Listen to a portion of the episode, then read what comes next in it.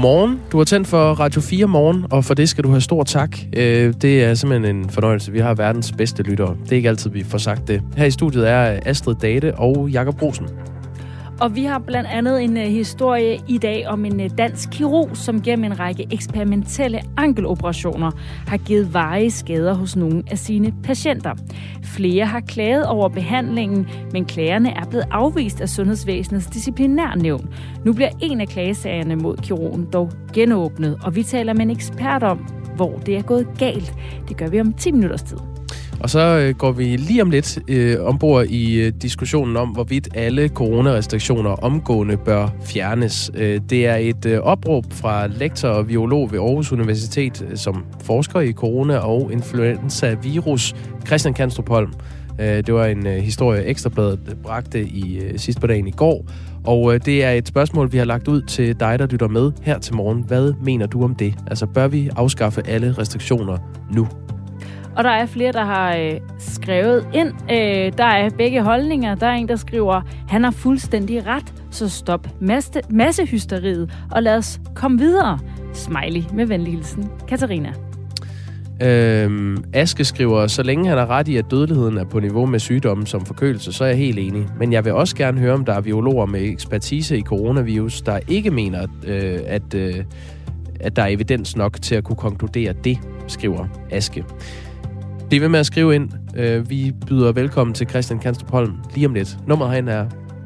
Ja, 1424. Du skriver R4 mellemrum din besked, hvis øh, du har nogle spørgsmål. Men ellers, altså, vil du være bekymret over, at vi fjerner alle restriktioner? Det er det, det ligesom handler om.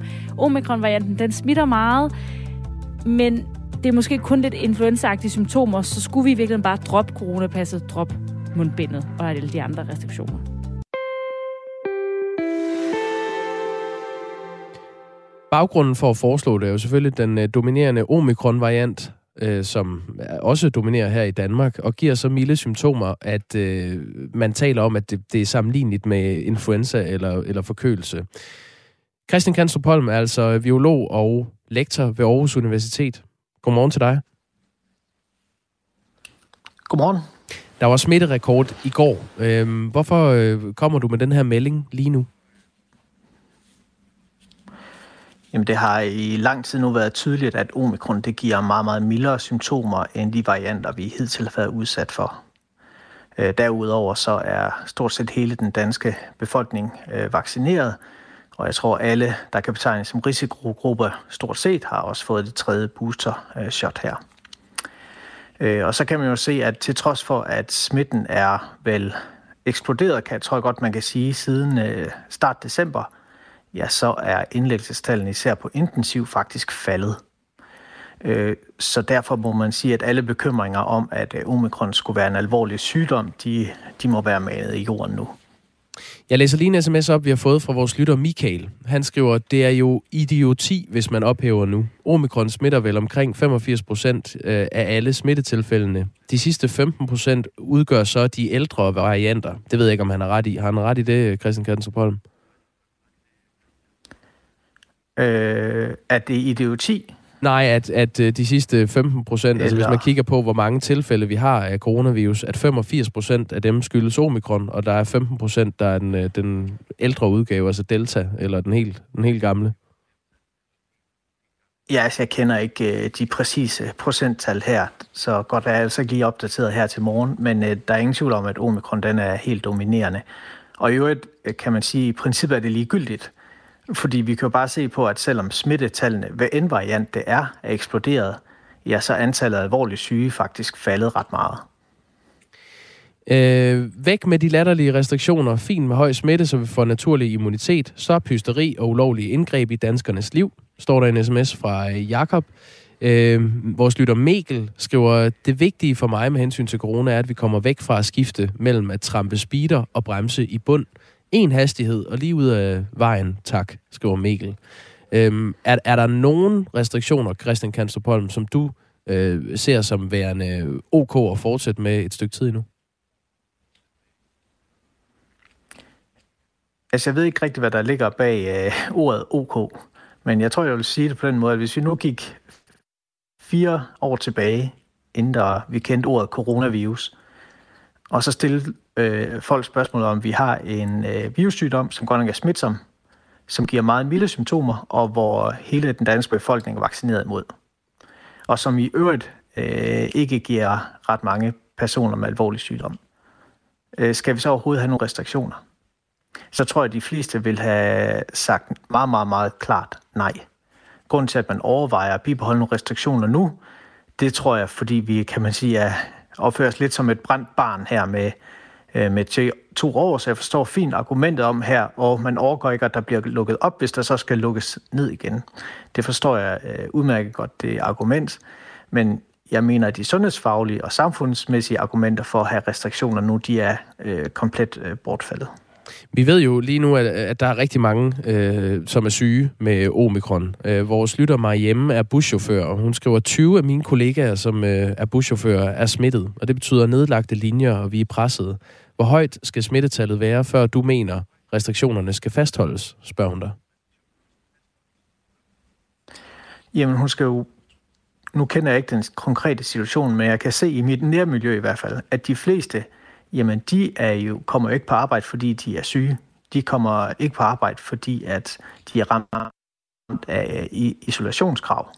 Noget vi jo ikke normalt arbejder med med forkølelsesvirus. Så det er isolationskravet og restriktionerne, der presser samfundet og sundhedssystemet PT. Det er ikke omikronvarianten. Men der kan jo godt være, være tilfælde, hvor folk er så syge, at de øh, ikke bør tage på arbejde. Det er jo trods alt ikke hensigtsmæssigt at tage på arbejde, hvis man er, hvis man er syg. Øhm, kan, kan du se et eller andet Nej, det gælder, i det? det gælder altid sådan, at hvis man er... Altså, det gælder jo altid sådan, at hvis man er syg, så skal man ikke tage på arbejde. Sådan er det jo altid. Og her i vintersæsonen, der har vi jo altid forkølelse, og nogle år har vi da nogle rigtig slemme øh, hvad hedder det, perioder med især influenza-virus altså hvad kan man sige, det at man kan blive syg om vinteren, det er altså temmelig normalt. Øh, og det vil nok altid være her. Og vi vil altid have flere syge om vinteren, end vi har om sommeren. Onsdag kom der tal for, hvor mange der er smittet. Det tal lå på øh, lige omkring øh, 39.000 øh, danskere, der er konstateret smittet med, med omikron. Men antallet af indlagte ligger kun på 821, og det var den øh, fremskrivning, Statens Serum Institut kom med i december, at vi kunne frygte, at vi skulle have mellem 600 og 800 nyindlagte om dagen i januar, og det er jo slet ikke der, vi er, vi er havnet. Men lad os lige prøve at give ordet til Sundhedsstyrelsens direktør Søren Brostrøm. Ved det seneste pressemøde for et par uger siden, øh, blev han netop spurgt om, hvorfor vi ikke bare lader smitten rasere ved at ophæve restriktionerne. Lad os lige prøve at høre, hvad det var, han øh, svarede ved den lejlighed.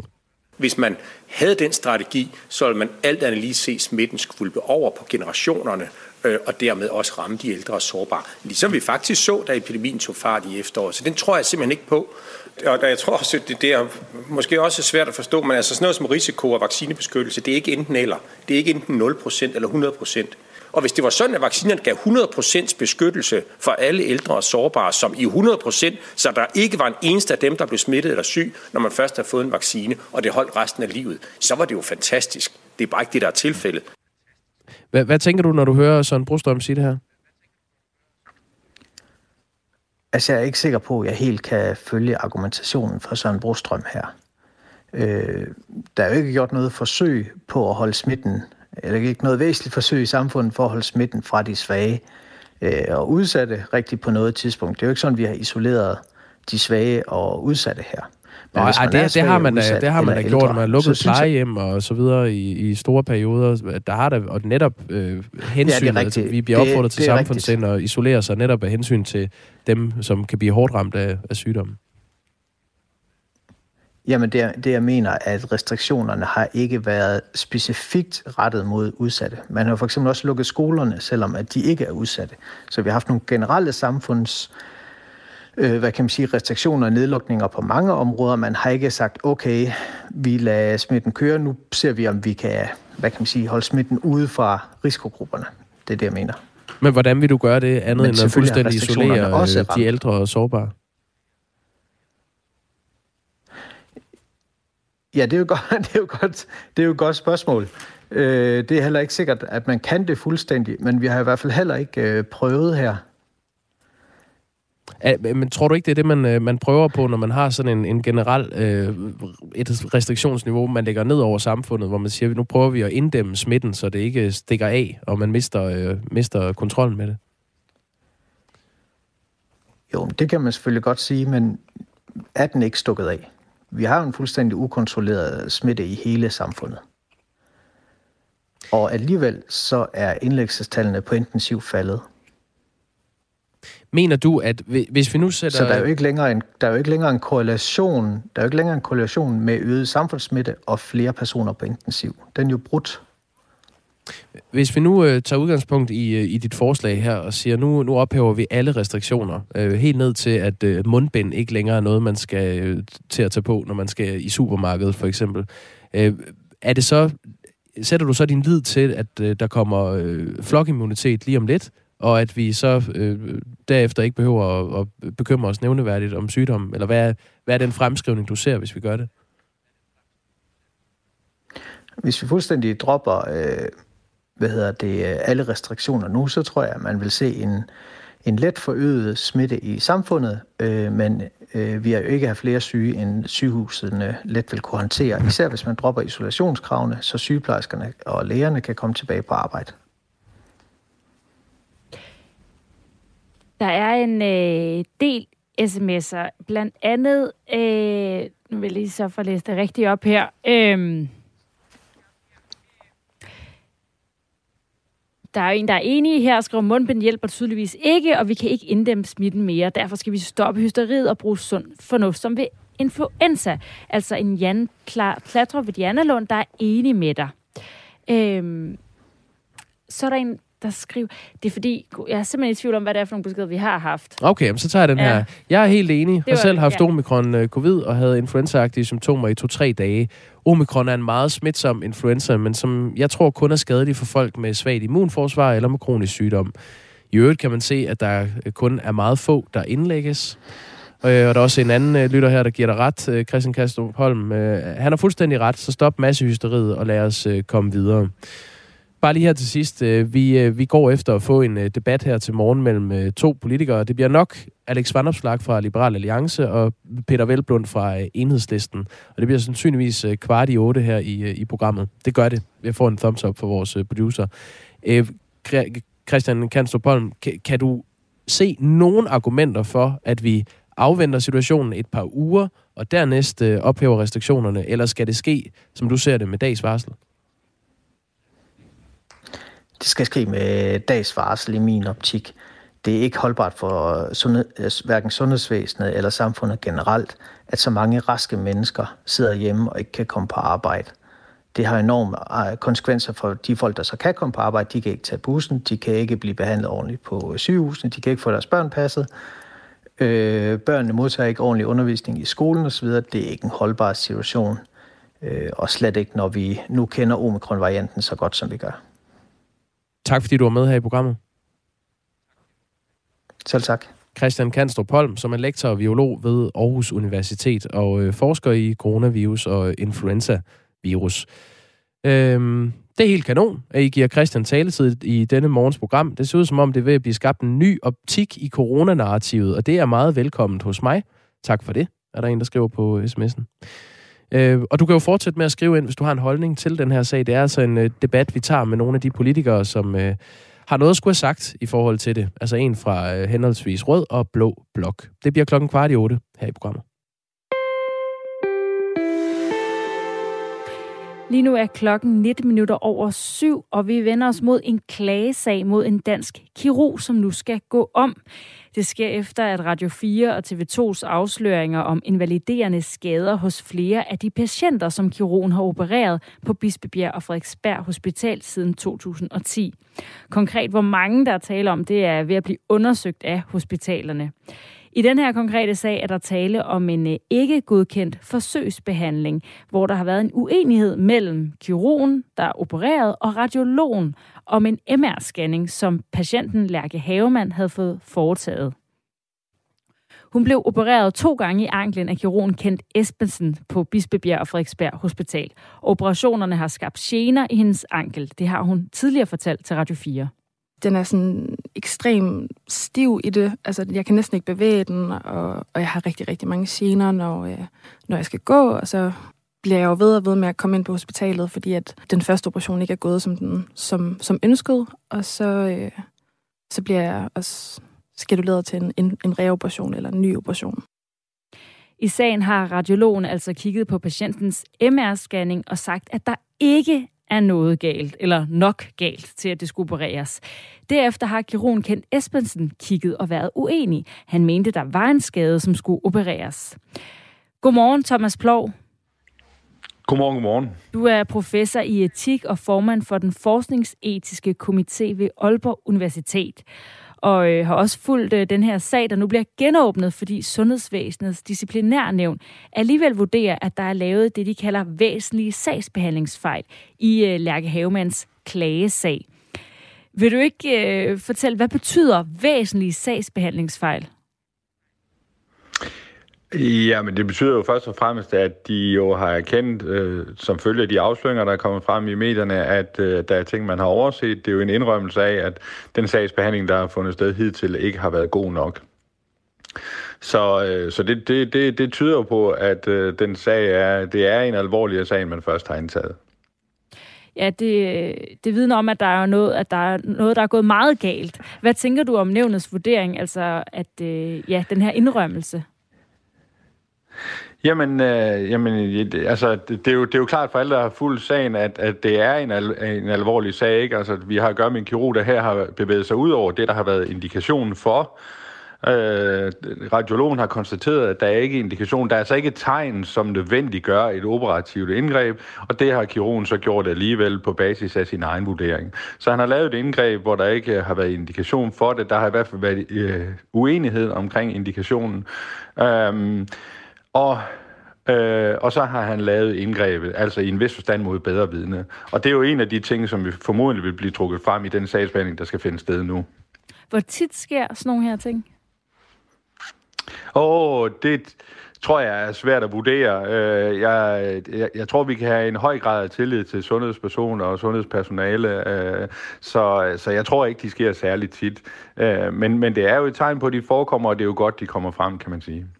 Og jeg sætter lige nogle ord på, øh, på den sag, vi taler om i dag. Det er Lærke Havemans sag, hvor radiologen altså har ment, at hendes MR-scanning af foden så fin ud. Kirurgen Kent Espensen så dog så noget andet på scanningen, som han mente krævede en operation. Han har i dag fået frataget sin autorisation. Espensen afviser at kommentere yderligere på sagen, men han har tidligere sagt til Radio 4 undersøger, at han kan læse MR-scanninger bedre end radiologer. Det kan jeg, fordi at jeg, jeg har opdaget, at øh, de fleste radiologer er ikke særlig gode til MR af fødder. Er du bedre til at se på det her, end radiologer er? Ja, det har jeg været i overvis. Thomas Blov, hvad tænker du om øh, det, kirurgen siger her? I, altså, det er jo sådan, at ikke alle på et hospital kan øh, slå sig op som, specialer, øh, som eksperter i scanninger. Man har nogle, øh, nogle faglige specialområder, øh, og radiologi er et af dem, kan man sige. Og det, og det, øh, så når man kommer ind på hospitalet, så kan man have en forventning om, at det er de mest kompetente og de mest relevante personer, der deltager i ens behandling.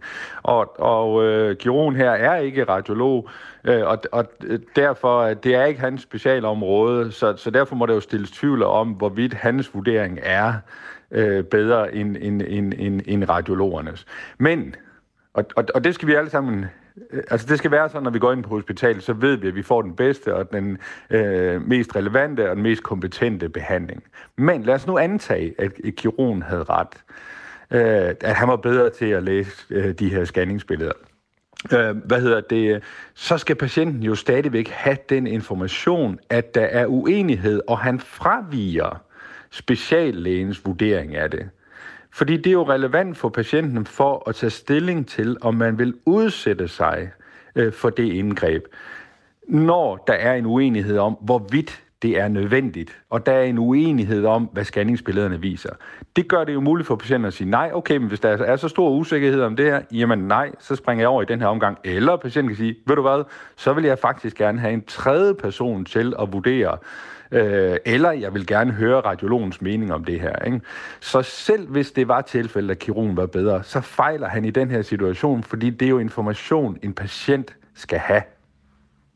Ja, og patienten har ikke fået det i, øh, i den her sag. Altså, patienten er ikke blevet gjort opmærksom på, at der altså har været den her uenighed om øh, diagnosen mellem kirurgen og radiologen. Og hvorfor er det et problem? Jamen det er fordi, at så kan patienten ikke give et ordentligt informeret samtykke til det indgreb, der skal laves. Ikke? Og det er et indgreb, der jo... Øh, hvor der knytter sig visse risici til. Ikke? Man risikerer øh, nogle forskellige skader som følge af indgreb, og det er jo også det, der har været tilfælde for flere af patienterne, og det er derfor, at der ligger sager hos øh, øh, øh patienterstatningen, fordi der er opstået skader. Ikke? Og det viser jo bare, at det er et indgreb med betydelige risici, og derfor er det jo afgørende, at man har et ordentligt samtykke til det fra patienterne. Og det har man ikke, når man ikke får at vide, at kirurgen her faktisk afviger fra bedre vidne, øh, og mener sig i stand til øh, bedre at kunne konstatere, hvad der er brug for at gøre i den her situation. Så kan man ikke give et ordentligt informeret samtykke. Det er altså noget, der også har givet nogle øh, alvorlige konsekvenser for patienten. Og Thomas Blov, du er jo professor i etik og beskæftiger dig med forskning øh, med etik. Fra den stol, hvad er så dit indtryk af den her sag? Ja, men det, det er jo en super alvorlig sag på alle tænkelige punkter. Ikke? Altså det, det, er jo, det, er jo, det er jo indgreb her, hvor der har øh, fejlindgreb, øh, indgreb på forkert grundlag. Der er tale om forsøgsindgreb, der ikke lever op til forsøgskrav. Der er ikke protokoller, det er ikke godkendt af videnskabsetisk komité. Øh, der er ikke et ordentligt informeret samtykke. Der er ikke det mest kompetente og relevante personale, der behandler øh, øh, øh, øh, øh patienterne i, øh, i forsøget, kan man sige. Så, så det er jo en dybt alvorlig sag på en række, en lang række parametre. Øh, og det er jo sager, som man lige præcis ikke håber, der er mange af i det danske sundhedsvæsen. Fordi det er jo klart, at sådan nogle sager, det vil påvirke vores øh, tillid til sundhedsvæsenet og til sundhedspersoner.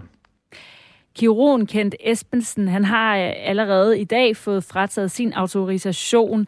Kan der være flere konsekvenser for ham på, øh, på baggrund af den her genåbning af sagen? Ja, det er ikke mit bror til stilling til det. Altså, det er jo blandt andet disciplinærnævnet, der må tage stilling til det. Altså, så må, man jo, så må der jo føres de sager, der skal føres hos patienterstatninger, og så må man jo tage stilling til, om der er brug for at gøre mere ansvar gældende over for den pågældende læge. Det er klart, at hvis han ikke har sin autorisation længere, jamen så er jo et, et, et vigtigt sanktionsmulighed er jo allerede bortfaldet. Øhm, men, men det er ellers ikke mit bord til stilling til. Nej. Tak, øh, fordi du var med, Thomas Plov. Jamen selv tak da. Som altså er professor i etik og formand for den forskningsetiske komité ved Aalborg Universitet. Den øh, indklagede kirurg Kent Espensen, han har ikke ønsket at kommentere på sagen, og Sundhedsvæsenets disciplinærnævn ønsker ikke at svare på spørgsmål om sagen. Til gengæld kan du høre mere om øh, sagen i øh, vores program her på kanalen Radio 4 Undersøger, som er dem, der har afsløret, hvordan den her kirurg og kirurgiske afdeling i næsten i et årti har udført stærkt tvivlsomme eksperimenterende behandlinger på et større antal patienter. Du finder serien Det Kirurgiske Eksperiment som podcast på Radio 4's hjemmeside, i vores app eller på iTunes, Spotify, hvor du ellers lytter til podcast. Tredje afsnit i serien det bliver sendt i dag her på kanalen, og det er klokken 5 minutter over et. Lige nu er klokken halvandet minut i halv otte. Vi har helt glemt at tale om Dansk Folkeparti i dag. Gud. Og det øh, skal man jo huske at gøre, fordi der er nok at fortælle om. Øh, der er øh, ekstraordinært årsmøde på søndag, hvor man skal beslutte, hvem der skal være ny formand i øh, Dansk Folkeparti. Og TV2 har nu lavet en stor rundringning til øh, lokalformænd rundt omkring i landet øh, for Dansk Folkeparti. For vi kan ikke vente med at øh, høre, hvem det nu kunne blive. Nej, men det er jo spændende øh, at botanisere lidt i det, også fordi øh, man er blevet ramt af corona. Der er 19 øh, af de, de delegerede, der skulle have deltaget på, øh, eller er det, øh, det er 16, tror jeg det er, som skulle have deltaget i det her øh, årsmøde øh, på søndag, som er blevet ramt af corona. 16 afbud indtil videre, og de forventer flere, og det gør jo noget ved, hvor mange der kan stemme. Men af de 98 lokalformænd, som TV2 har ragt ud til, øh, er det 69, der har svaret, og 44 af dem ønsker at sætte navn på, hvem de kommer til at stemme på. Og der svarer 32, at de vil sætte kryds ud for Morten Messerschmidt, 8 vil stemme på Martin Henriksen, og 4 på Merete Dea Larsen.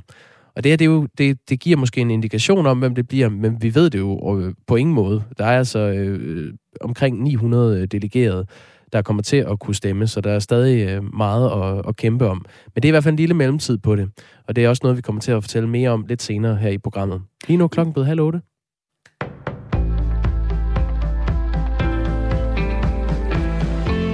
Der er forløbig intet, der tyder på, at minkavl for alvor igen bliver aktuelt i Danmark. Det er midlertidigt forbudt at opdrætte mink og har været det siden millioner af mink blev slået ned i vinteren 2020 af frygt for mutation af coronavirus. Det skal være muligt fra næste år, men endnu er der ingen minkavlere, der har søgt om at få støtte til det. Den voldsomme nedlukning af hele erhvervet for halvandet år siden betyder, at det er næsten umuligt at starte igen. Vi havde verdens bedste mink i Danmark, og det har taget generationer at komme langt foran resten af verden verden. Når man bliver lukket ned i to år minimum, så er det endnu sværere at starte op igen, siger Tage Pedersen, der er formand for minkavlerne. Den samlede pris for minkerstatningen kan blive op mod 19 milliarder kroner. I dag har minkavlerne haft en måned, hvor de kunne søge erstatning for en permanent nedlukning eller om en dvaleordning, hvor de kan genopstå i fremtiden. Forløbig har 261 minkvirksomheder søgt om permanent nedlukning ud af de i alt 1060 bedrifter, der var i Danmark i 2019. Det svarer til omtrent hver fjerde. Ingen har søgt om dvalekompensation, oplyser Fødevarestyrelsen. De har frem til 1. april til at søge. Udlænding- og integrationsminister Mathias Tesfaye rejser i dag til Litauen for på et møde med udenlandske kolleger og EU-kommissionen at søge mere permanente løsninger på nødsituationer ved EU's ydre grænser. EU-kommissionen fremsatte i december et forslag om, at Polen, Letland og Litauen midlertidigt kan benytte værktøjer, da store strømme af mennesker ankom. Disse har mødt kraftig kritik fra dele af EU-parlamentet og NGO'er. Regeringen vil have mere permanente løsninger. Der har været en masse diskussioner af de tiltag, de har i gang sat. Fra dansk side har vi sammen med andre lande opfordret til, at vi på forhånd godkender en europæisk værktøjskasse, siger Tesfaye. Udlændingeministeren vil undgå, at man i EU skal have en ny diskussion hver gang der opstår en nødsituation, som det skete ved grænsen fra Hviderusland til Litauen sidste år. Tusindvis af migranter forsøgte at komme ind i EU direkte støttet af Hviderusland. USA's højesteret har afvist en anmodning fra Donald Trump om at blokere for frigivelse af dokumenter fra det hvide hus om stormløbet på kongressen i januar 2021. Der er tale om dokumenter, som et demokratisk ledet udvalg fra repræsentanternes hus har efterspurgt. Beslutningen betyder, at dokumenterne kan offentliggøres. Udvalget grænser, grænsker begivenhederne den 6. januar sidste år, herunder også hvad Trump sagde og gjorde den dag, samt hans forsøg på at ændre på resultatet af præsidentvalget. Den tidligere præsident og hans allierede har ført en løbende juridisk kamp mod kongresudvalget. De forsøger at blokere adgangen til dokumenter og vidner. Ifølge udvalget er adgang til dokumenterne nødvendige for at forstå enhver rolle, Trump kan have spillet i at have tilskyndet til volden, der udspillede sig 6. januar sidste år. Donald Trump har henvist til, at dokumenterne er fortrolige. Det var kun en ud af ni højesteretsdommere, der efterkom hans anmodning. Den russiske regeringskritiker Alexei Navalny advarer Vesten mod at give indrømmelser til Ruslands præsident Vladimir Putin i Ukraine-konflikten. Gang på gang går Vesten i Putins fælder, skriver den fængslede oppositionspolitiker fra sin fangelejr i breve til magasinet Time. Navalny's breve er forsidehistorien på Time under overskriften Manden Putin frygter.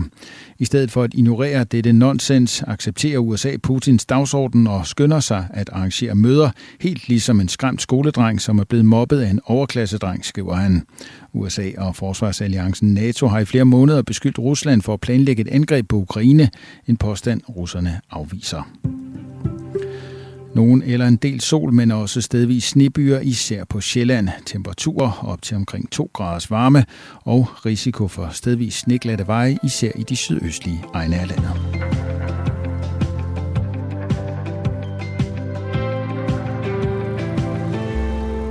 Godmorgen, du lytter til Radio 4 Morgen, og tak for det. Mit navn er Astrid Date, og øh, med er også Jakob Grosen.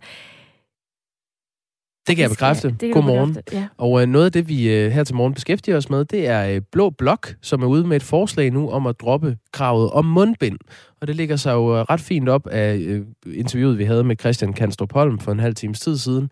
Han er lektor og forsker i coronavirus ved Aarhus Universitet, og han øh, argumenterer for, at vi skal droppe alle restriktioner, og det er hellere i morgen end øh, på mandag. Og øh, det, er altså, øh, det flugter meget godt med Blå Bloks forslag om at droppe kravet om mundbind. Og det er til trods for, at der i de her dage registreres rekordmange coronasmittede herhjemme. Øh, hvordan det hænger sammen, taler vi med Liberal Alliances leder Alex Vandopslag om. Øh, og så har vi også enhedslistens sundhedsordfører Peter Velblund med til at svare på de her øh, krav fra Blå Blok set med røde briller. Og den debat kan du høre om 10 minutter. Ja, først der skal vi nemlig øh, snakke om PCR-test, for hospitalsansatte i Region Hovedstaden kan se frem til færre PCR-test og flere selvtest. Der er nemlig for få af de mest nøjagtige test, som altså er PCR. Og derfor så pålægger en ny politisk aftale regionerne at prioritere coronatest af sårbare borgere på botilbud og plejehjem.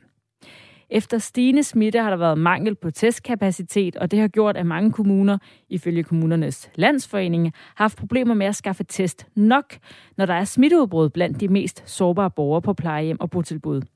Og det får altså nu flere regioner til at skulle nedprioritere testkapaciteten andre steder. I Region Hovedstaden, der henter man den manglende testkapacitet ved at skrue ned for antallet af PCR-test af hospitalspersonale. Formand for Dansk Sygeplejeråd i Hovedstaden, Christina Robbins, du er med her. Godmorgen. Godmorgen. Hvad tænker du om, at øh, man vil skrue ned for antallet af PCR-test af hospitalspersonalet? Jamen, det er et, øh, et kæmpe dilemma her, som, som I rejser, eller som, som er. For i den ideelle verden, så, så skulle vi jo have testkapacitet til alle. Men når nu der er begrænsninger i, i de PCR, øh, hvad hedder det, testkapacitet, så har regionen jo gået ind og afvejet og prioriteret, og nu prioriteret de, de sårbare og de ældre borgere. Og, øh, og det, som personalet nu skal gøre, det er jo at selvteste i langt højere grad. Så det er jo en prioritering, som er kommet fra, fra regionens side, øh, som vi vil følge konsekvenserne af. Og hvad er konsekvenserne? Hvad er risikoen, når de hospitalsansatte, og altså herunder også øh, sygeplejerskerne, som du er formand for, skal testes mindre med PCR og mere med selvtest? Jamen det er jo, at, at vi så skal bruge de her selvtest, hvilket vi jo øh, sagtens øh, kan gøre, øh, og som jo også giver nogle, øh, en vejledende resultat, kan man sige. Øh, det mest sikre er jo selvfølgelig en PCR-test, det, det ved vi. Øh, så derfor kunne det få den konsekvens, at vi vil se en stigning af, hvad hedder det, uopdaget smitte blandt personalet. Frygter du det? Jamen, det er jo klart en bekymring og noget af det, som vi vil følge, og så vil vi jo løfte over for regionen, når man er nødt til at genoverveje den prioritering, som, som man nu har lavet. Og den her prioritering, den kommer altså på baggrund af en politisk aftale, som er indgået af Social- og Ældreministeriet, Sundhedsministeriet, Danske Regioner og KL. Og af aftalen fremgår det, at omprioriteringen af PCR-testkapaciteten skal tilrettelægges og aftales lokalt. Og der nævnes flere muligheder for at omprioritere testkapaciteten i regionerne. Ifølge afdelingslæge på klinisk mikrobiologisk afdeling på Hvidovre Hospital, Uffe Schneider, der forsker i selvtest, der har det altså flere konsekvenser, når man nedprioriterer PCR-testene til hospitalspersonalet. Så er de konsekvenser, at vi vil se flere hospitalspersonaler, der bliver hjemsendt på grund af falsk positiv test, øh, fordi der er flere falsk positive ved antigentest, end der er ved PCR. Øhm, og så vil det have den konsekvens, at der også er nogen, der potentielt set kan gå på arbejde med en negativ test, øh, men reelt set være positiv, og der vil potentielt set kunne smitte. Hvad tænker du om det? Altså, at øh, både der er flere, der kan blive sendt hjem med øh, en falsk positiv, og flere, der kan komme på arbejde med en falsk negativ? Jamen det er da bekymrende. Det er da rigtig bekymrende, fordi man er jo nødt til at passe på personalet, for at, man, for at de kan passe på patienterne og borgerne. Så det er derfor, jeg mener, det er rigtig vigtigt at følge med i øh, her med det samme. Følge med i, jamen, hvilke konsekvenser har det? Kan vi, kan vi se det? Og så genoverveje beslutningen. Øh, så, så, men når det er sagt, så tror jeg også, at der er rigtig mange øh, personale, der jo også synes, det er vigtigt, at man passer på de svageste borgere og de ældre borgere i samfundet. Så det er som sagt et kæmpe dilemma, men vigtigt at følge med her, så man sikrer, at der ikke bliver en øh, stigende smitte blandt personalet, eller som der her bliver sagt, at man får mangel på personale, fordi man bliver sendt hjem, når man ikke er syg. Vi taler altså med Christina Robbins, der er formand for Dansk Sygeplejeråd i hovedstaden. Og når nu risikoen for, at sygeplejerskerne bringer smitte med ind på hospitalerne, måske stiger med selvtest, vil I så gøre noget ekstra for at øh, undgå at smitte sårbare borgere, der er indlagt på hospitalet? Jamen, personalet gør det, de skal lige nu. De har styr på alle de forholdsregler, der er i forhold til, til beskyttelse. Så lige der tror jeg ikke, at personalet kan gøre så meget mere. Så det bliver mere følge, om, om den her udvikling har nogle konsekvenser, vi så er nødt til at tage fat i. Smitten stiger jo så også blandt sårbare på plejehjem og, og øh, botilbud. Det er jo derfor, at øh, der er blevet prioriteret PCR-test til dem frem for hospitalspersonalet. Men der er også registreret flere store hospitalsudbrud. Synes du, det er den rigtige prioritering, når regionen tager PCR-test fra hospitalerne og flytter dem over til plejehjem og botilbud? Som sagt, så er det her et dilemma, og i et dilemma er der jo, øh, kan man se fordele og ulemper ved, ved begge prioriteringer. Nu har politikerne prioriteret på den her måde, og det synes jeg, vi skal følge og løfte, hvis det viser sig, at der bliver nogle bekymrende konsekvenser af beslutningen. Og det betyder altså, at sygeplejerskerne skal selvteste, som ikke er så sikre. Kan I, kommer I til at gøre noget ekstra i forhold til, hvad I gør nu, for at passe ekstra på, at smitten ikke bliver spredt blandt sygeplejerskerne? Jamen, vi gør allerede det, vi skal i forhold til at øh, følge de øh, regler og retningslinjer, der er. Øh, det gør sundhedspersonalet. De kender reglerne og retningslinjerne, og det, dem følger de i forvejen, så det skal de jo selvfølgelig fortsætte med. Og så skal de lave de her selvtest, øh, og så må vi se, øh, hvordan udviklingen øh, hvad hedder det, udvikler sig herfra. Tak fordi du var med, Christina Robbins. Velbekomme. Tak for det. Formand, I lige måde. Formand for Dansk Sygeplejeråd i hovedstaden. Og vi har på Radio 4 også været i kontakt med Region Syddanmark og Region Midtjylland. De oplyser begge, at man øh, indtil videre godt kan klare smittepresset uden at nedprioritere. Men det kan dog blive nødvendigt, hvis smitten stiger mere på plejehjemmene og botilbydende, lyder det fra begge regioner. Og det vil i Syddanmark betyde, at der vil være test, der bliver taget fra for eksempel nære kontakter, folk, der har symptomer og borgere, der har fået et positivt svar på en lyntest. Der vil blive færre muligheder for at teste dem. I Region Midtjylland vil stigende smitte på plejehjem og botilbud betyde længere kø i testcentrene, oplyser regionen til Radio 4. Radio 4 undersøger hver torsdag kl. 13, og som podcast, når det passer dig. Det tog mig et år nogenlunde at gå igen. Hundredvis af ankelpatienter har været under kniven hos en kirurg, der sagde, at han kunne hjælpe dem. Situationen er jo, at jeg ikke kan basale ting. For eksperter kalder metoden eksperimentel, og patienterne vidste det ikke. Jeg følte mig lidt som en forsøgskanin. Lyt til det kirurgiske eksperiment på Radio 4, taler med Danmark. Vi omtalte tidligere på morgenen øh, TV2's rundringning til lokalformænd i øh, Dansk Folkeparti, der viser, at der er markant størst øh, opbakning til Morten Messersmith som ny formand for Dansk Folkeparti blandt lokalformændene. Øhm, Øh, og når jeg siger markant, så øh, lå det sådan, at øh, der er 44 af de her 98 lokalformænd, der har ønsket at sætte navn på, hvem de kommer til at stemme på, og der er 32 af dem, som vil sætte kryds ud for Morten Messerschmidt. Det er cirka en tredjedel af alle lokalformænd i øh, Dansk Folkeparti. 8 vil stemme på Martin Henriksen, og 4 på Merete D.A. Larsen. Og hvordan er, man skal have 50 procent på søndag, en af de her formandskandidater, for at blive valgt. Eller bare flest. Det finder jeg ud af. Ja, jeg, jeg øh, er ret sikker på, at det handler om øh, bare for flest, men der er 900 delegerede. Og det er jo øh, både de her lokalformænd og, øh, og mange andre, der øh, kan få lov til at blive øh, delegeret til øh, det her. Øh, det er også øh, lokalforeninger, øh, det er øh, de delegerede øh, fra hovedbestyrelsen. Øh, hvis man har været medlem i øh, et stykke tid, øh, det er mere end fire måneder, øh, så kan man øh, også få lov til at blive delegeret. Der er nogle lidt komplicerede regler i forhold til det, men der er i hvert fald en hel del, som får lov til at stemme til det her øh, årsmøde. Og de skal vælges med absolut flertal, altså over halvdelen af de afgivende stemmer. Godt. skal gå til den nye formand i Dansk Folkeparti. En, der ikke bliver formand i Dansk Folkeparti, og det er vist noget tid, det er Inger Støjberg. Hun har jo ikke rigtig ville øh, svare på, øh, hvorfor hun ikke har meldt sig ind i Dansk Folkeparti. Det behøver hun måske heller ikke, fordi det har hun aldrig sagt, hun ville. Men øh, det har partiet ønsket øh, igennem længere tid. Hun er også blevet øh, tilbudt et job, som, øh, ja, det kunne hun selv finde ud af, hvad hun vil være, men bare en eller anden form for øh, stilling i partiet. Øh, og nu har hun faktisk udtalt sig for første gang. Øh, hun har været øh, til det, der hedder Digital Træffetid på Inger.dk, hendes egen øh, medieplatform, hjemmeside, og øh, som også blev transmitteret på Facebook-profilen. Og efter cirka 17 minutter af den her digitale træffetid med Inger Støjberg, så er der en person, der ringer op. Det fungerer sådan, at hvis man er betalende øh, medlem til Inger.dk, så kan man få lov til at stille hende spørgsmål. Og det var der altså en, der gjorde. Øh, og han siger, at man havde jo regnet med, at hun stillede op som formand for Dansk Folkeparti. Vi får lige hans øh, spørgsmål med, og så hvad hun svarede til det. Jeg tror, mange der troede, at du, du skulle med i DF. Det blev så ikke ja. til noget. Nej, øh, og vi kan godt tage det nu, fordi der er helt sikkert også nogle andre, der vil, øh, vil spørge ind til det. Men altså, jeg synes selv, at det vil være helt forkert, øh, det der med at stille op som formand i et parti, man ja. ikke har været med i. Altså, jeg har det grundlæggende sådan, at hvis man stiller op som formand i et parti, så skal man i hvert fald mindst have, have slidt to biler op på landevejene øh, ude i, ja. i baglandet. Og det, det ja. kunne jeg jo selvfølgelig ikke leve op ja. til, fordi at jeg jo ikke har været medlem af, af partiet, og heller ikke er medlem i øvrigt af partiet.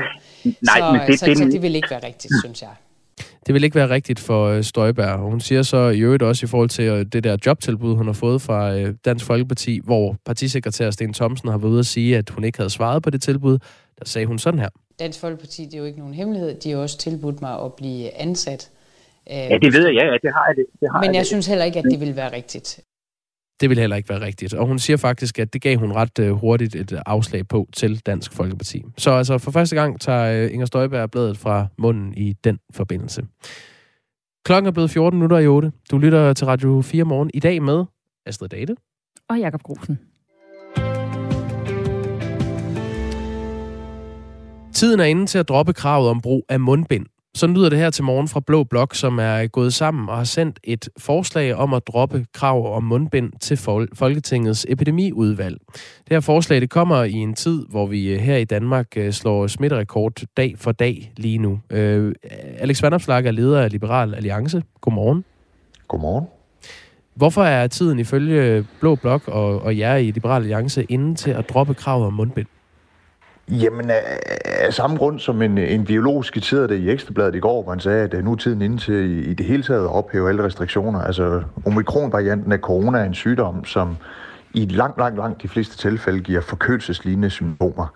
Og hvis vi sådan træder et skridt tilbage og, og tænker os godt om at sige, vil vi indføre restriktioner og mundbind og coronapas osv., for en forkølelseslignende sygdom, hvis den kom til Danmark nu, så tror jeg, at de fleste af os vil være enige om, at svaret vil være nej. Nu har vi så vendet os til hele tiden at have restriktioner og have den her overforsigtighed. Og der ønsker vi politisk, at vi, vi, vi begynder i, i langt højere grad at, at vende tilbage til en normal hverdag. Og det øh, indbefatter også, at man, man, man dropper mundbindet, som i øvrigt ikke har en særlig stor effekt. Den har en, en, en, en lille effekt, men effekten er ikke særlig stor. Vi øh, har fået en sms fra vores lytter øh, Lars, som skriver, øh, Godmorgen. Kan Blå Blok ikke forstå, at jo mere man lukker op, jo flere bliver tvunget til at blive hjemme fra arbejde, fordi de bliver syge? Er det ikke det, Blå Blok vil undgå? Jo, altså, det, det er jo sådan lidt, det, det, det, det er jo hun nader sin egen hale. Man indfører øh, en, en restriktion om, at selvom du ikke har nogen symptomer, så skal du fortsat være i isolation. Det betyder så, at når der er mange, der er smittet selv uden symptomer, så skal de jo stadig være isoleret. Jo, men en del af dem, der bliver syge, har jo, have... Alexander Flag, en del af dem, der bliver syge, får jo symptomer, er så nødt til at blive hjemme fra arbejde. Mm. Bliver det ikke et problem på arbejdspladserne? Jamen, men nu, nu skal du lige lade mig tale ud. Man indfører nogle regler om en isolationsperiode også selv hvis ikke du har symptomer. Ja. Og så bagefter kan man komme og sige, at nu er der mange, der er isoleret på grund af de restriktioner, vi har lavet, så vi må hellere lave nogle flere restriktioner, så vi undgår nogle af de andre restriktioner. Altså det, det, det, det er jo hun af sin egen hale, og, og, og der må man jo så bløde op på det her isolationskrav og så sige, når du ikke længere har symptomer, så kan du godt møde ind på arbejde. Og hvis du så skulle smitte øh, en af dine kollegaer med omikron, ja, så er det jo heldigt, at det er noget, der giver forkølelseslignende symptomer. Men du er ikke bekymret for, at hvis man øh, for eksempel fjerner kravet om mundbind, at der så er flere, der bliver smittet, og flere, der får symptomer, flere, der må blive hjemme fra arbejde, og så står arbejdspladserne og mangler hænder? Men, men, men man kan jo ikke tænke med den logik, at man, når man har indført isolationskrav, at så bliver man nødt til at, at, at opretholde andre restriktioner. Altså så må man jo se på isolationskravet set, og hvad det skal være lempeligere. For så kan vi jo blive ved med at indføre den ene restriktion efter den anden, øh, og, så, og så opretholder de sig selv. Og men det, men det jeg taler ikke om en, isolation, en øh, øh, Alex Van Opslag. Jeg, jeg taler om, at hvis man er syg, så bliver man nødt til at blive hjemme. Og der er nok flere, der vil blive syge, hvis man fjerner restriktionerne. Øh, for eksempel mundbind. Øh, anerkender du den præmis? Ja, selvfølgelig er der, er der flere, der bliver syge. Til gengæld er der også flere, der vil gå på arbejde, hvis der man ikke har en, en nedlukkende Danmark. Vi vil kunne leve i, de, i, i, i et friere samfund. Altså med samme logik skulle vi jo hver evig eneste vinter i fremtiden have, have mundbind, fordi der er mange, der bliver forkølet og får influenza, og det går ud over arbejdskraften. Og det tror jeg, de færreste af os vil, vil, vil sige, at det er, det, det er i orden. Så det handler om at få noget, noget proportionalitet og, og almen snusfornuft ind i, i coronadiskussionen igen. Peter Velblund er sundhedsordfører for Enhedslisten. Godmorgen. Godmorgen. Hvad siger du til det her krav om at droppe mundbindet? Ja, det, altså, det er jo ved at være en, en fast tradition, at der kommer et, et nyt krav om, om lempelser hver dag. Øh, og jeg er da heller ikke i tvivl om, altså som billedet er nu, altså hvis vi ser to, tre, øh, måske fire uger frem, så har, er alle øh, restriktioner væk, og, og vi har også nedklassificeret øh, Øh, covid-19 fra at være en samfundskritisk sygdom. Men det ændrer jo bare ikke på, at i det nuværende billede, der er der rigtig, rigtig mange, der bliver smittet. Og, og det er altså ikke bare en, en forkølelse. Altså normalt så øh, skal vi jo ikke vaccinere øh, hele befolkningen, fordi der kommer forkølelse. Vi ser heller ikke så... Øh, så massivt et antal øh, indlagte, og heller ikke så øh, et massivt antal smittede, som, som vi ser lige nu. Og det er jo heller ikke det billede, vi ser, hvis vi ser rundt omkring i Europa eller resten af verden for den sags skyld. Så det er bare, altså, vi er på vej et rigtig godt sted hen. Men altså, lad os nu lige vente øh, og lige uh, tage de næste par uger her, indtil hvor, hvorfor vi får, det? den her bølge af. Hvorfor egentlig det, ja, Peter Velblom? At... Vi står, jeg, jeg skitserer det lige, hvad, hvad Vandopslag øh, argumenterer for her. Vi står med en sygdom, mm. som ikke giver særlig hårde symptomer. Øhm, vi havde tidligere Kanstrup Holm, øh, lektor og biolog, med her i programmet, som, øh, som argumenterede for det samme, som man gjorde i Ekstrabladet i går, ja. at, øh, at hvis vi for fire år siden havde sagt, at vi ville lukke landet ned for en forkølelseslignende øh, sygdom, som øh, en største del af danskerne er vaccineret imod, så ville man have sagt, nej, selvfølgelig skal vi ikke det. Altså, hvorfor er det, at du ikke er klar til at fjerne det her krav nu? Ja, det, det er jo fordi, at lige nu, der ser vi stadigvæk, at vi har øh, omkring øh, godt 38.000 øh, nysmittede i går, 32.000 øh, i forgårs. Øh, og det, det giver en belastning i øh, både i sundhedsvæsenet, det gør det også i forhold til arbejdsmarkedet. Og, og hvis vi bare slap smitten løs, så vil vi jo se nogle øh, ret dramatisk øh, høje tal lige nu. Øh, Øh, og det vil altså betyde en, også en øget belastning af vores sundhedsvæsen. Hvis vi har over 800 øh, indlagte lige nu, enten af eller på grund af, af covid-19, øh, og det, det udgør en belastning. Og derfor, altså man kan sige, alternativet til at åbne op fuldt lige nu og æde de konsekvenser, det er, at nu har vi restriktioner, der kører frem til 31. januar. Det kan være med til at flade den kurve af smittede ud, og så kan vi øh, efterfølgende øh, udfase restriktionerne og åbne helt op. Altså den pris i de 14 dage er jeg villig til at betale for at undgå de ret dramatiske konsekvenser, også i forhold til de borgere, som rent faktisk får alvorlige forløb. Alex Værnomslag, du skal have lov til at kommentere på det. Er du ikke villig til at tage hensyn til dem, der får et for, alvorligt forløb? Jo, naturligvis er det. Men altså, jeg tror, jeg tror der, hvor, hvor, hvor, hvor Peder og jeg ser forskelligt på tingene, det er jo, øh, hvor er det, vi har øh, forsigtigheden henne. Øh, Peder har forsigtigheden i forhold til sundhedsvæsenet og smitten, og jeg har forsigtigheden i forhold til, til unødvendige restriktioner, og derfor ligger vi øh, øh, snittet øh, forskelligt. Og derudover så, altså vi ved jo, at omikron-varianten er øh, ganske smitsom, og på trods af, at vi har restriktioner, så har vi jo smittetal op over 30.000 om dagen. Og jeg er ikke overbevist om, at restriktioner i det hele taget øh, begrænser smitten særlig meget, når vi har så smidt som en variant.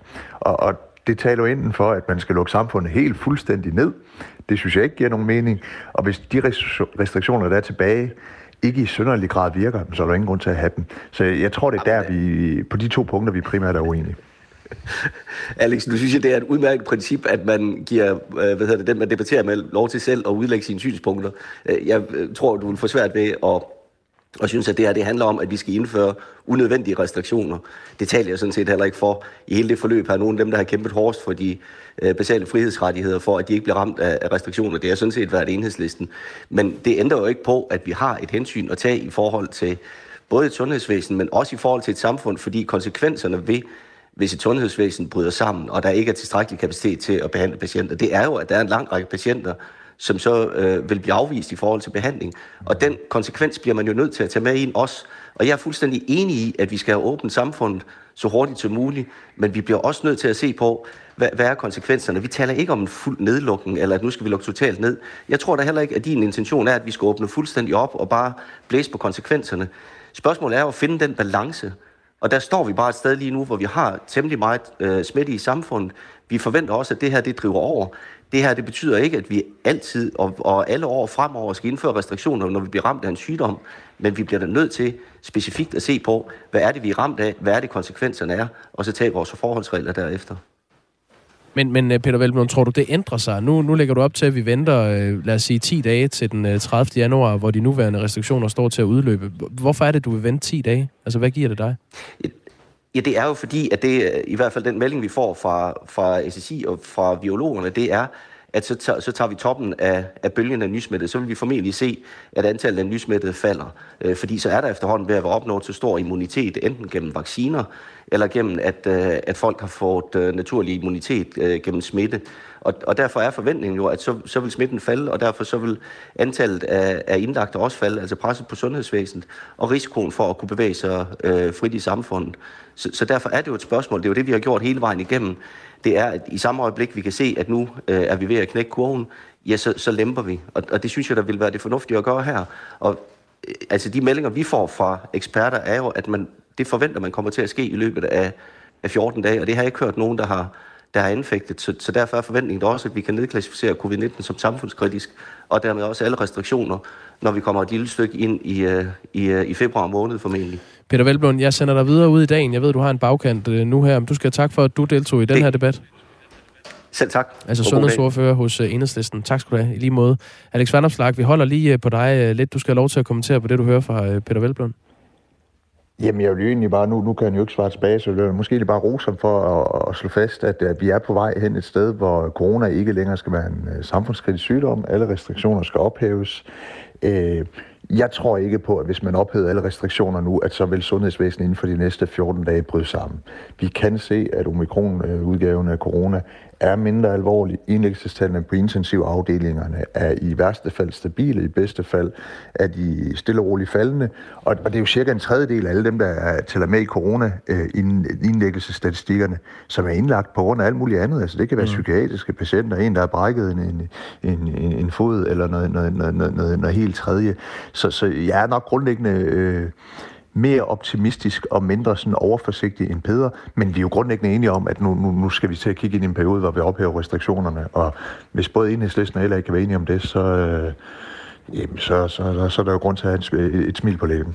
Det lader til, at, øh, at I godt kan det. Altså bare lige for til nye lyttere, der lige måtte være sted på det her øh, interview, så taler vi med Alex Vandopslag, som er leder af Liberal Alliance, om det her forslag fra Blå Blok, Øh, det, I er gået sammen om at, at sende et forslag om at droppe krav om mundbind, og det har I sendt til Folketingets øh, epidemiudvalg.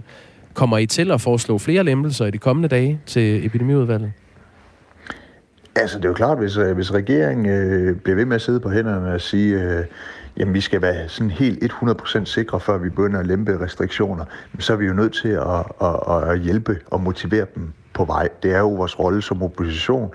Øh, jeg har jo i, i, i lang tid ment, at, at regeringens sådan, øh, overforsigtighedsprincip, altså heller en restriktion for meget end for lidt, øh, hvis man skal kode det ned, jamen den er jeg uenig i. Og, og derfor vil vi selvfølgelig presse på for, at, at man lemper nogle restriktioner. Nu er det mundbindene, vi har sendt forslag ind om. Noget vi også gerne vil drøfte, det er jo sådan isolationsperioden. Altså hvis folk, der ikke har symptomer, skal de gå hjem i en uge og være isoleret. Det giver ikke særlig god mening. Vil du anerkende det synspunkt, øh, hvis jeg nu præsenterede det, det er ikke mit, men det er et modargument til det, ja. du siger, øh, at, at vi står ret godt her i Danmark, netop fordi, at der har været nedlagt et øh, forsigtighedsprincip? Nej, jeg er sådan set enig i, at vi står godt i Danmark. Jeg, jeg er ikke overbevist om, hvad, hvad, hvad det er, der gør det. Jeg, jeg, jeg tror i langt højere grad, det skyldes, at Danmark er et land med, med, med høj samlingskraft og tillid til myndighederne, og, og vi har været gode til at følge anbefalingerne, altså holde afstand og spritte hænder og, og, og frem og tilbage. Og, og jeg tror i høj grad, det er en, en, en kulturel ting. Øh, I noget omfang har vores teststrategi også været god, altså i forhold til at opspore sygdom tidligt og, og forhindre øh, yderligere smitte. Nu er vi i en situation, hvor, hvor, hvor vi har en øh, noget mere smitsom variant, der er sværere at kontrollere med restriktioner, men som heldigvis giver langt øh, mildere symptomer. Og, og, og så er det her øh, kontrolregime ikke nær så nødvendigt. Tak fordi du var med her i Radio 4 morgen, øh, Alex Van Opslag. Det var så lidt. Politisk leder af Liberal Alliance. Altså i en debat i noget af tiden med Peter Velblund, som er sundhedsordfører hos Enhedslisten. På den anden side af nyhederne, der bliver vi altså lidt ved øh, coronarestriktioner. Vi skal snakke om PCR-test, fordi regionerne de vil flytte PCR-test fra hospitalspersonalet til dem, der er ramt på plejehjem og botilbud. Og det handler simpelthen om, at der er for få PCR-test til, at alle kan få dem. Så derfor så øh, har de nu fået mulighed for at prioritere dem. Og det betyder altså, at hospitalspersonalet må nøjes med selvtest. Vi skal høre fra øh, formand i øh, øh, hvad hedder, Dan, den sygeplejeråd, Nej, det er ikke hende, vi skal høre fra. Vi skal høre fra Pernille Lose, der er chef for Testcenter Danmark i Region Hovedstaden, hvordan det kommer til at foregå. Nu klokken 8.